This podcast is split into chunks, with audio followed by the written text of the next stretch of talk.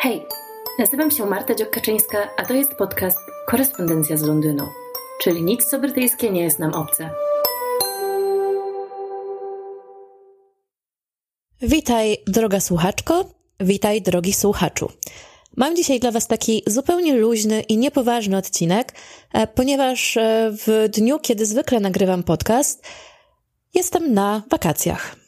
Chciałam sobie zatem i Wam również oszczędzić brania mikrofonu na basen. Poza tym e, największym mm, wyzwaniem podczas nagrywania podcastów jest dla mnie obecność e, dzieci lub też zaplanowanie podcastu tak, aby dzieci w domu nie było. No a jednak na wakacjach z dziećmi byłoby to bardzo ciężko. Nie przedłużając, przechodzę do meritum odcinka, e, czyli do różnic kulturowych. Ale chodzi mi nie o takie różnice kulturowe na jakimś takim, wiecie, e, wysokim poziomie akademickiej dyskusji i rozważanie prawdziwego ducha narodu i czym różni się słowiańska dusza od anglosaskiej duszy, tylko takie. Mm, takie codzienne, banalne, może nawet chwilami lekko lekko głupawe rzeczy, które są inne e, i które być może irytują, być może śmieszą, być może zadziwiają. Wypisałam sobie kilka takich rzeczy. Z pewnością w miarę rozmowy zaczną mi się objawiać kolejne, a jestem także ciekawa, jakie różnice kulturowe między naszą rodzimą polską kulturą a kulturą brytyjską dostrzegacie wy. E, więc jeżeli macie ochotę napisać na ten temat do mnie, bądź to w social mediach, czy też e, mailowo, lub też po prostu skomentować, bo na Spotify pojawiła się opcja komentowania odcinków, e, to bardzo zapraszam i nie wykluczam, że w przyszłości powrócę do tego tematu, no bo jest on, powiedzmy, dość lekki, zabawny, ciekawy, a takie małe, codzienne rzeczy są o wiele ważniejsze i bardziej na nas wpływające niż mogłoby się wydawać. Odnośnie samych wakacji jeszcze, to kilka lat temu, to znaczy jakieś pięć lat temu, to znaczy przed urodzeniem mojej starszej córki, pracowałam w magazynie branżowym w branży turystycznej i być może dla wielu z Was jest to oczywistość, ale ja wtedy właśnie dowiedziałam się, że biura podróży mają różne hotele dla różnych narodowości. Więc e, jeżeli jedziecie z Polski, to najprawdopodobniej będziecie w hotelu z innymi Polakami lub z nacjami, które biuro podróży uznało za współgrające niejako z Polakami. Więc e, na przykład, kiedy wyjeżdżamy e, z Wielkiej Brytanii z biura podróży jakiegoś, to zwykle nie będziemy na przykład e, zakwaterowani w okolicy Niemców lub Francuzów. To taka mała ciekawostka, co wpływa też e, na to, że kiedy jeździmy właśnie z jakimś biurem podróży, zaraz wyjaśnię, dlaczego pojechaliśmy z biurem podróży, to z powodu polskich nazwisk umieszczają nas zwykle na jakimś e, szarym końcu hotelu, ale nie narzekam, bo dostajemy wtedy zwykle upgrade pokoju, co by też e, nie pieklić się chyba na to, że, że jesteśmy umieszczani tak na końcu. Wydaje mi się, że chodzi właśnie o to, że nie mamy brytyjskiego nazwiska i nie wiadomo, czego się po nas spodziewać, wiecie, tak stereotypowo, bo bynajmniej nie chcę powiedzieć, że naprawdę Polacy mają jakąś tam złą renomę i, i że powinno się ich umieszczać z tyłu, na końcu i tak dalej, ale no zauważyliśmy, że, że ma to miejsce niemalże gdziekolwiek e, jedziemy i no jesteśmy tak troszeczkę na uboczu, um, jeśli, jeśli jest to brytyjsko e, zorientowany hotel. To tak tylko na marginesie. A dlaczego jedziemy z biura podróży? Ponieważ są to wakacje z dziećmi. Absolutnie jestem za tym, żeby um, organizować sobie samemu wyjazdy, że jest to o wiele ciekawsze i tak dalej. Bardzo lubię podróżować na własną rękę, odkrywać świat na własnych zasadach, um, ale czasami człowiek um, jest po prostu styrany życiem i, i raz na jakiś czas decydujemy się na po prostu takie, wiecie, wakacje emerytów niemalże, żeby było podane jedzonko pod nos um, i żeby nie trzeba było nigdzie chodzić. No a ponieważ mamy obecnie ze sobą dwie panienki w wieku um, 2 i 4 lata, to mamy ochotę generalnie robić nic żeby jeszcze ktoś nam właśnie podstawił jedzonko pod nos i żeby trzeba było iść tylko na basen. Rozumiem, jeśli ktoś e, nie znosi takich wakacji, ale nie mam siły na żadne inne w tej chwili. Dobrze, wracając do meritum sprawy. Wypisałam sobie e, wielkimi głoskami tutaj um, takie coś jak kanapka z chipsami. I przez chipsy mam na myśli chipsy, takie chrupiące chipsy, a nie bynajmniej um, frytki. Chociaż kanapka z frytkami nie jest e, również czymś rzadkim, e, zdarza się, że e, w różnych barach czy pubach dostanie się kanapkę z czymś tam, do której zostaną podane obok frytki. Natomiast kanapka z chipsami była dla mnie szokiem. Mieszkałam już całkiem sporo lat w Wielkiej Brytanii, chyba jakieś, wydaje mi się, powiedzmy, pięć prawie, kiedy znajomy znajomej, a właściwie mąż znajomej znajomej, rodowity Brytyjczyk, przyszedł e, do nich do domu i um, zrobił sobie kanapkę z chipsami. Po prostu mój mózg wtedy eksplodował.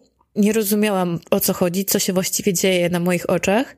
I wydawało mi się to najbardziej irracjonalnym posiłkiem świata. Oczywiście zaraz dodam inne najbardziej irracjonalne posiłki świata, które nastąpiły po tym posiłku, ale no, no było to dla mnie niesamowite do czasu. Do czasu, kiedy sama nie spróbowałam kanapki z chipsami. I jeśli wydaje się wam to dziwne, to ja was rozumiem. Natomiast naprawdę polecam zrobić sobie na przykład kanapkę z szynką i wsadzić do niej takie słone lejsy. To jest tak genialny pomysł, bo czy to bułka, czy kanapka, która jest miękka, kontrastuje z chrupką konsystencją chipsa. I mnie generalnie to połączenie zachwyca. Co prawda nie jest to coś, co jem na co dzień, ale generalnie kanapka z chipsami z niesamowitego mind-blowing um, kuriozum stała się dla mnie y, takim ideałem comfort food. Naprawdę polecam, e, bo warto, warto to przeżyć, warto tego doświadczyć na własnej skórze. Kolejnym dziwnym brytyjskim zjawiskiem dla mnie, przynajmniej na początku, były frytki z octem i w ogóle wszystko z octem. No bo chipsy octowe to już chyba jest klasyka. Niektórzy je kochają i nie widzą świata poza nimi, inni ich nienawidzą. Ja lubię, kiedyś uwielbiałam, no ale próbowałam się latami odzwyczaić od y, pożerania chipsów i udało mi się, więc y, powiedzmy, że nie pogardzę, ale nie wchłaniam ich już. Ale frytki z octem tak. Y, kiedy pierwszy raz też zobaczyłam osobę polewającą w fish and chips frytki octem, to było takie, mm, co tu się zadziało? Znów smak, który, który być może nie jest naszym klasycznym słowiańskim smakiem, ale ja jestem zwolenniczką. Octem polewa się też często, to jest w ogóle um, smażoną pizzę. I teraz, smażona pizza to jest taki przysmak bardziej szkocki, bo oni generalnie mają pewne umiłowanie do um, deep fryowania wszystkiego, co się da. Na pewno wielu z Was e, słyszało o Deep Fried Mars, który ma być rzekomo szkockim przysmakiem. Szczerze mówiąc, e, kiedy mieszkałam w Szkocji lata temu, właściwie no, przyjechałam tam w 2006 roku, to ten um, smażony Mars był takim czymś, o czym pisały media, że ho, ho czego to już e, Brytyjczycy nie wymyślą. Ale to nie było tak, że, że wiecie, w każdym menu e, takeawaya był Deep Fried Mars, nawet w Szkocji. I, I generalnie to, jeżeli podobno było tak, że jeżeli by się poprosiło o zdeepfryowanie tego Marsa, bo te takeawaye mają zwykle też jakąś tam ofertę batonów, to generalnie, że to zrobią, ale to był raczej taki, taki trochę, nie chcę powiedzieć gadżet, bo to nie gadżet, tak, ale taki no ongoing joke, że, że oni wszystko frajują, więc e, i Marsa mogą. Um, oczywiście w kilku miejscach widziałam te Marsy, ale to nie jest tak, że e, każdy takeaway to oferuje i, i, że wszyscy się zażerają smażonymi Marsami. Nie, to było też takie, nawet tutaj było to takie troszeczkę kuriozum. Natomiast pizza smażona jest e, w Szkocji absolutnie dostępna w większości miejsc i, i jest to, nie chcę powiedzieć lokalny przysmak, ale to chyba jest lokalny przysmak. Przynajmniej z takiego, wiecie, nieco zapyziałego mm, takeawaya. I ja się z tego strasznie śmiałam, że ha, ha, ha, jak może być um, smażona pizza, po czym spróbowałam jej kiedyś i to polanej octem. I powiem wam, że, że no jest w tym coś. To jest taka kawałek pizzy, który nieco zajeżdża rybią taką, tą panierką z ryby, tak? Taki, taki to ma klimat. No pizza w panierce, jakby coś takiego. I jeszcze polana octem. I nawet w którymś momencie uważałam, że jestem fanką tego dania, aż y, kilka lat po wyprowadzce ze Szkocji pojechałam z powrotem do Glasgow w delegację i podczas y, wyjścia ze znajomymi um, zjadłam taki kawałek pizzy i po bardzo niewielkim spożyciu alkoholu wylądowałam w ubikacji, ponieważ mój układ trawienny nie pogodził się już z tą ilością smażonego tłuszczu. Um, no niestety, po tym jak wyjeżdża się ze Szkocji, traci się dość szybko odporność zarówno na pogodę, jak i na tamtejszą kuchnię. Przynajmniej ja straciłam bardzo szybko, chyba już po tygodniu spędzonym w e, Anglii z angielskim adresem. Zapomniałam, że w Szkocji jest e, zwykle, chociaż nie zawsze, dużo zimniej i pojechałam potem po resztę swoich rzeczy i oddać swoją pracę zaliczeniową w ubraniach zupełnie niedostosowanych. Musiałam sobie kupić na miejscu sweter, żeby nie zamarznąć. Ale hmm, mądra Marta po szkodzie. Przejdźmy teraz do absolutnej klasyki brytyjskiego kuriozum, czyli do osobnych kraników na wodę. Ciepłą i zimną. Ja jestem absolutnie totalną, wielką szczęściarą, ponieważ w naszym mieszkaniu są ludzkie krany. Po 16 latach mieszkania tutaj e, sprawdziłam, dlaczego tak jest. E, no więc generalnie to e, pochodzi z czasów, kiedy ujęcie zimnej wody nadawało się do picia, a ujęcie ciepłej nie, więc chodziło o to, żeby nie nastąpiło cross-contamination, tak? Czyli zanieczyszczenie pomiędzy tymi dwoma ujęciami. Wydaje się to y, rozwiązanie mieć ręce i nogi. Dzisiaj jakby już nie jest potrzebne i potencjalnie y, dlatego nasze mieszkanie, które jest y, nie jest tradycyjnym budownictwem, y, ma już zupełnie ludzkie krany. I chwała za to budowniczym, bo zwykle ten, no niezwykle, ale bardzo często w różnych miejscach ten kranik ciepły jest wrzący, a ten kranik zimny jest lodowaty. I jedynym sposobem, żeby uzyskać wodę zdatną do czegokolwiek, na przykład umycia rąk, e, jest mieszanie jej w umywalce, co często kończy się niczym, bo na przykład nie ma zatyczki do tej umywalki. Mówię tutaj raczej o takich publicznych toaletach, nie o domowych, no bo wiadomo, że jak ktoś już e, ma jakieś rozwiązanie w domu, to sobie próbuje ułatwić życie, ale, ale tak, e, często zdarza się poparzyć taką wodą w publicznej toalecie. Ale jak jesteśmy już w tematach łazienkowych, no to kolejną taką banalną rzeczą, ale z pewnością wielu z Was y, utyskuje na to i nie dziwię się czemu. I z pewnością większość y, z Was jest osobami świadomymi istnienia tej różnicy kulturowej, jest brak kontaktów w łazience. Generalnie tak tu jest, że budownictwo nie pozwala na kontakty w łazience, chyba że są to kontakty do maszynek do golenia. I tak jak jest to wkurzające, bo w wielu miejscach, w których mieszkałam, musiałam e, suszyć włosy w jakichś kuriozalnych miejscach lub po prostu w sypialni, przez co na przykład albo e, było mi bardzo niewygodnie, bo nie zawsze te sypialnie były duże, albo włosy były wszędzie. Nie było to specjalnie przyjemne. W każdym razie myślę, że to ma wielką zaletę, e, zwłaszcza kiedy ostatnio podczas wizyty w domu moja teściowa próbowała zacząć suszyć dziecku włosy suszarką, kiedy siedziało w wannie. Oczywiście mój mąż zrobił wtedy awanturę. Generalnie nie wiem, to jest taki, taki moment chyba, kiedy człowiek przestaje myśleć, no bo jakby jest to bardzo rozsądna um, i, i mądra kobieta, a jednak um, taki pomysł jej przyszedł do głowy i, i jest to jednak niebezpieczna sprawa, tak? Więc przez to, że takich wynalazków nie ma tutaj, nie muszę się martwić nigdy o to, że moje dziecko wpadnie na pomysł wrzucenia na przykład suszarki czy czegoś innego do wanny. Ja mam e, jeszcze o tyle fajnie, że mam w przedpokoju przy łazience kontakt, więc dosięga on do lustra w, w łazience. Co prawda do wanny nie da się wpaść, ale można się suszyć.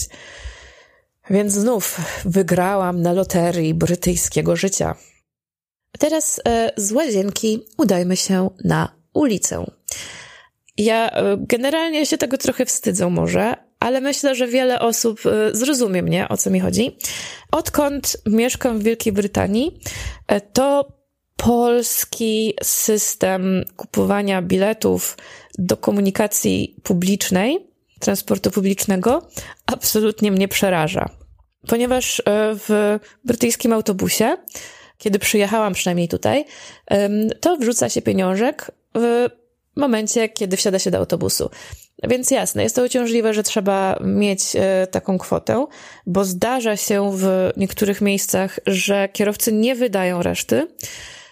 To jest już e, lokalna specyfika, przynajmniej w Boże, kurczę, nawet nie potrafię powiedzieć, czy jeszcze tak jest, ponieważ e, no było to kilkanaście lat temu, ale w Glasgow generalnie kierowcy nie wydawali reszty, ale już w Anglii tak przynajmniej w miasteczku Walking, w którym mieszkałam, wydawano resztę w autobusie, nie było z tym problemu. No ale generalnie to yy, wsiadając do autobusu, nie potrzebowałam mieć żadnego biletu, nie musiałam w ogóle o tym myśleć. Potrzebowałam mieć troszkę tej, troszkę monet, tak? Lub też obecnie, jak y, sądzę w innych miejscach też, po prostu przykładam telefon lub kartę zbliżeniową. I nigdy nie muszę myśleć o tym, czy mam bilet. Po prostu zawsze płacę w ten sposób. A kiedy jadę do Gdańska, to za moich czasów można zawsze było kupić bilet u osoby prowadzącej pojazd. Teraz są też biletomaty, ale w każdym mieście jest co innego, bo są też różne aplikacje, tak, gdzie można kupić ten bilet. E, jeżeli nie ma jakiegoś biletomatu, automatu z biletami na przystanku lub w okolicy przystanku, to można to kupić w aplikacji, ale w niektórych miejscach, niektórych miastach można kupić u kierowcy, w innych nie można. Generalnie sprowadza się to do sytuacji, kiedy będąc w Polsce, ja naprawdę wolę jeździć Boltem, bo wiem, że zapłacę i nikt nie będzie miał um, powodu, żeby mnie spisać, o czym zaraz też powiem zamiast kupić biletu. Ja wiem, że to może się wydawać idiotyczne, tak, jeżeli się na co dzień ma tą umiejętność, ale to jest trochę tak, jak ludzie, którzy przyjeżdżają do Londynu po raz może pierwszy w życiu i nie wiedzą, że nie da się kupić za gotówkę biletu w autobusie. No to jest na tej samej zasadzie, wiecie, brak umiejętności takich y, codziennych, że jak się, jak się jest w jakimś miejscu, no to są one absolutną, absolutną oczywistością. No ale mnie, mnie to strasznie stresuje, a to między innymi dlatego, że już e, będąc studentką, przyjechałam do no, miasta, z którego jestem, tak?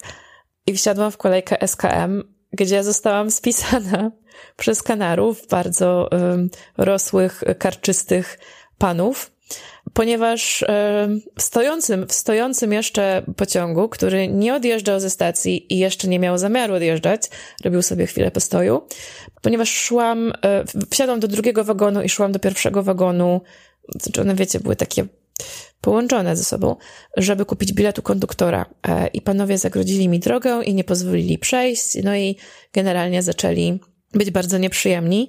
20 chyba jeden lat wtedy miałam, tak mi się wydaje. No i 70 zł mandaciku. Poszło tak, bo w stojącym pociągu nie weszłam do pierwszego wagonu, tylko do drugiego, więc e, mam, e, tak, oczywiście mówię z przekąsem i przesadą, ale mam taką biletową traumę z tego powodu. No i to też jest e, akurat taka różnica, że generalnie w Wielkiej Brytanii jest bardzo niewielu kanarów. Taka kontrola biletów zdarza się, chyba raz w życiu widziałam ją w metrze i raz w życiu w autobusie, ale w Szkocji. Przez 16 lat. Więc one istnieją, one się zdarzają. E, legenda miejska głosi, że może cię spotkać taka kontrola e, w każdej chwili i nie znasz dnia ani godziny, ale w rzeczywistości, no to prawdopodobieństwo jest bardzo niewielkie. Inna sprawa, że kiedyś e, zostałam złapana, to mówię w cudzysłowie, bo to było upomnienie przez konduktora bardzo miłymi i grzecznymi słowami w pociągu, kiedy miałam zły bilet, jechałam z Walking do Londynu na bilecie, który był off-peak, czyli poza godzinami szczytu, a były godziny szczytu. No i mi się pomyliło, e, ponieważ to był bilet powrotny. Taki powrotny bilet, który ma kilka chyba tygodni czy miesiąc ważności. No i przyjechałam nim w odpowiednim czasie, ale już wyjeżdżałam w nie takim czasie, na jaki bilet pozwalał. I byłam przekonana, że dostanę 100 ileś tam funtów um, kary, e, co już wiecie, no to jeszcze były moje czasy studenckie, więc wiadomo, taka kwota to w ogóle jest nieprzyjemna. Natomiast no w studenckich czasach to wiecie, to był po prostu miesiąc mojego jedzenia. No a pan powiedział, że no, no, masz dziewczyno zły bilet. No co, mówię do niego, co mam teraz zrobić? A pan powiedział, no kupić u mnie nowy. Albo zapłacić karę. A to mogę kupić bilet. Oczywiście. To jest powód, dla którego um, polski kanar jest mi bytem niezwykle niemiłym. No ale już jeżeli chodzi o ten transport publiczny, to nie da się ukryć, że samo podejście do autobusu, do filozofii autobusu jest e, nieco inne niż e, w Polsce.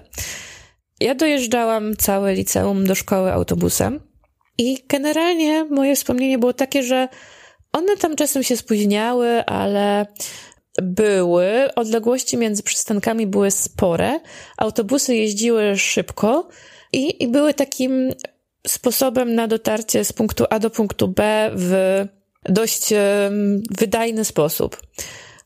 Oczywiście to było lata temu, bo już mam swoje lata też, tak? Powiedzmy, że pół życia temu. Natomiast e, tak, oczywiście nie było wtedy tylu samochodów, aż takich korków i tak dalej. No i wtedy, no, te autobusy miały się gdzie rozpędzić e, i, i, i właściwie były całkiem wygodnym środkiem komunikacji dla mnie. Tutejsze autobusy, hmm, one mają taki luźny plan. To znaczy, niektóre niby mają być o określonej godzinie, ale one w tak kilka minut w tą, kilka minut w tamtą zwykle są. Mm, co prawda, teraz e, na przystankach e, są, znaczy teraz mówię o, wiecie, no, obecnej dekadzie jakby, tak, czy obecnych czasach, a nie, że od wczoraj. Generalnie na, bardzo często są um, takie e, tablice, znaczy takie, takie pudła, wiecie, z tymi świecącymi cyferkami, diodami takimi, które pokazują za ile minut będzie jaki autobus, więc można się spodziewać, kiedy przyjedzie i zwykle przyjeżdża wtedy, kiedy tablica go zapowiada. Natomiast e, no są takie linie w ogóle na przykład, które w ogóle wypadają. Tam są jakieś autobusy widmo, e, które czasem przyjeżdżają, czasem nie przyjeżdżają, czasem przyjeżdżają częściej niż powinny, czasem w rozkładzie go nie ma, a ten autobus jest, a czasami w rozkładzie jest, a nigdy nie przyjeżdża. Ale też e, często tutejsze plany jazdy, rozkłady jazdy są no takie wiecie, no, że on będzie co 8 minut, ale jak będzie co 15, to, to, no, to też jest mniej więcej co 8. A niektóre jeszcze pokazują, że będą, no, między godziną tam na przykład, nie wiem, 9 a 15 te autobusy będą co 6-10 y, minut. takie wiecie, no takie laissez-faire, tak? Cokolwiek będzie, to będzie, que sera, sera. Don't worry, be happy. I, I w ogóle autobus jest po prostu takim e, środkiem komunikacji dla tych, którzy czasu nie liczą. I z innych względów e, myślę, że to ma dużo sensu, ponieważ te autobusy są wolne. A są wolne między innymi dlatego, że mają mnóstwo przystanków. Czasami, znaczy wiecie, no na osiedlach e, różnych, e, jak na przykład e, odwiedzam Gdańsk, chociaż wiecie, no boję się jechać autobusem, ale jak e, dorosła osoba odpowiedzialna jedzie ze mną, to, to robię to, to no tak jasne, że czasami się zastanawia człowiek, że może warto iść bardziej na ten przystanek czy tamten, ale tutaj jest generalnie przystanek na przystanku. Od jednego przystanku do drugiego, no to nie jest nawet minuta jazdy zwykle. No te przystanki można tak spokojnie, spokojnie, jak e, nie ma w planie najbliższych minutach autobusu, no to można tak spokojnie ze cztery przystanki sobie przejść, tak? Co sprawia, że ta podróż autobusem jest strasznie niewydajna i ciągnąca się. I ja osobiście strasznie nie lubię jeździć e, brytyjskimi autobusami. Chociaż kiedy mówię, że te autobusy jeżdżą wolno i mają um, mnóstwo przystanków, no to mam na myśli duże miasta, tak? To już jest taka zupełna ciekawostka, ale jest taki autobus, który nazywam autobusem śmierci. Jest to autobus z Balloch w Szkocji nad pięknym jeziorem Loch Lomond do miejscowości Balmaha, która też jest nad tym jeziorem, ale trochę dalej. E, I w tej miejscowości, zaraz przy przystanku, można wejść na wzgórze, które nazywa się Conic Hill, e, z którego rozpościera się piękny widok na jezioro Loch Lomond. I to jest jezioro, które mm, jest bardzo znane w, w Szkocji. Jest o nim mnóstwo wierszy, jest o nim przepiękna piosenka tradycyjna e, Bonnie Banks of Loch Lomond która tradycyjnie grana jest na koniec przyjęć i, i różnych imprez w Szkocji. Polecam odszukać ją sobie na YouTubie, bo, bo tekst jest ciekawy, nawiązuje do, do powstania Jakobinów czy Jakobitów, Jacobites, Jacob, czy Jakobitów, przepraszam, bo Jakobini byli we Francji, a Jakobici, czyli wspierający sukcesję Jakuba, odniosę się do tego kiedy indziej, byli w Szkocji. I właśnie jest piosenka o żołnierzach, którzy zobaczą się lub nie zobaczą się już nigdy ze swoją wielką miłością na pięknych y, brzegach Loch Lomond. W każdym razie autobus śmierci, który dowiezie nas do Balmachy, gdzie będziemy mogli wspiąć się na Conic Hill i obejrzeć granicę między Highlandami i Lowlandami, która przebiega przez Loch Lomond. Ten autobus jest niesamowity. No generalnie jedzie z prędkością światła po prostu zatrważającą taki dość rozklekotany stary autobus przez pola, e, to znaczy oczywiście po drodze, ale takiej ogrodzonej kamiennymi płotami z ułożonych kamieni, takimi, wiecie, tradycyjnymi płotami, które być może pamiętają XIX e, wiek. I on po tych wąskich drogach zapyla na złamanie po prostu karku, na łeb, na szyję. Trzeba się zapierać siedząc w tym, w tym autobusie, żeby się nie wywrócić i żeby w ogóle nie spaść z siedzenia. No i on tak zapyla i, i tam są jeszcze takie, wiecie, wzniesienia na tych, na tej drodze, takie, takie, no wzgórza. Po prostu serce i żołądek podchodzą wtedy do gardła. No i między jednym a, a drugim przystankiem to są po prostu długie kilometry podczas których człowiek y, jest przekonany, że nie dojedzie na miejsce. A jeżeli do, dojedzie nawet, to y, będzie połamany. Szczerze mówiąc, brzmi to być może niezachęcająco, ale jednak zachęcam, bo samo Balloch jest fajne, Loch Lomond jest przepiękne, a i to y, Conic Hill um, warte jest wycieczki. Więc jeżeli będziecie w tamtych okolicach, to, to zapraszam i można dojechać do Balloch pociągiem z Glasgow. Jest to fajna taka jednodniowa wycieczka. Glasgow do Balloch, Balloch do Palmachy i stamtąd na Conic Hill. E, miałam tu jeszcze jeden temat, a dobra, poruszę go. ten odcinek zrobił się długi. Myślałam, że to będzie, wiecie, taki um, odcinek nagrany na, na szybko, a, a wychodzi, że, że zrobiło się tutaj całkiem dużo treści. Z jej mądrością jest może gorzej, ale uprzedzałam, uprzedzałam, jest to odcinek zupełnie niepoważny. Tak. Um, ostatnim tematem jest y, szok, pewnego rodzaju szok, którego doznałam, kiedy pierwszy raz przyjechałam. No i zaczęłam poznawać na studiach znajomych. I okazało się, że właściwie prawie wszystkie osoby w moim otoczeniu są osobami nieochrzczonymi. A ja miałam wtedy lat 19. Um, wyszłam właśnie z wspólnoty w kościele katolickim przy mojej parafii, w której uczęszczałam przez wiele lat, a także uczęszczałam na różne warsztaty y, religijne związane z konkursami biblijnymi, w ogóle z wiedzą biblijną, z czytaniem Biblii. Był to co prawda moment, kiedy, kiedy mm, zaczęłam odchodzić od kościoła, powoli, bo powoli, ale jednak.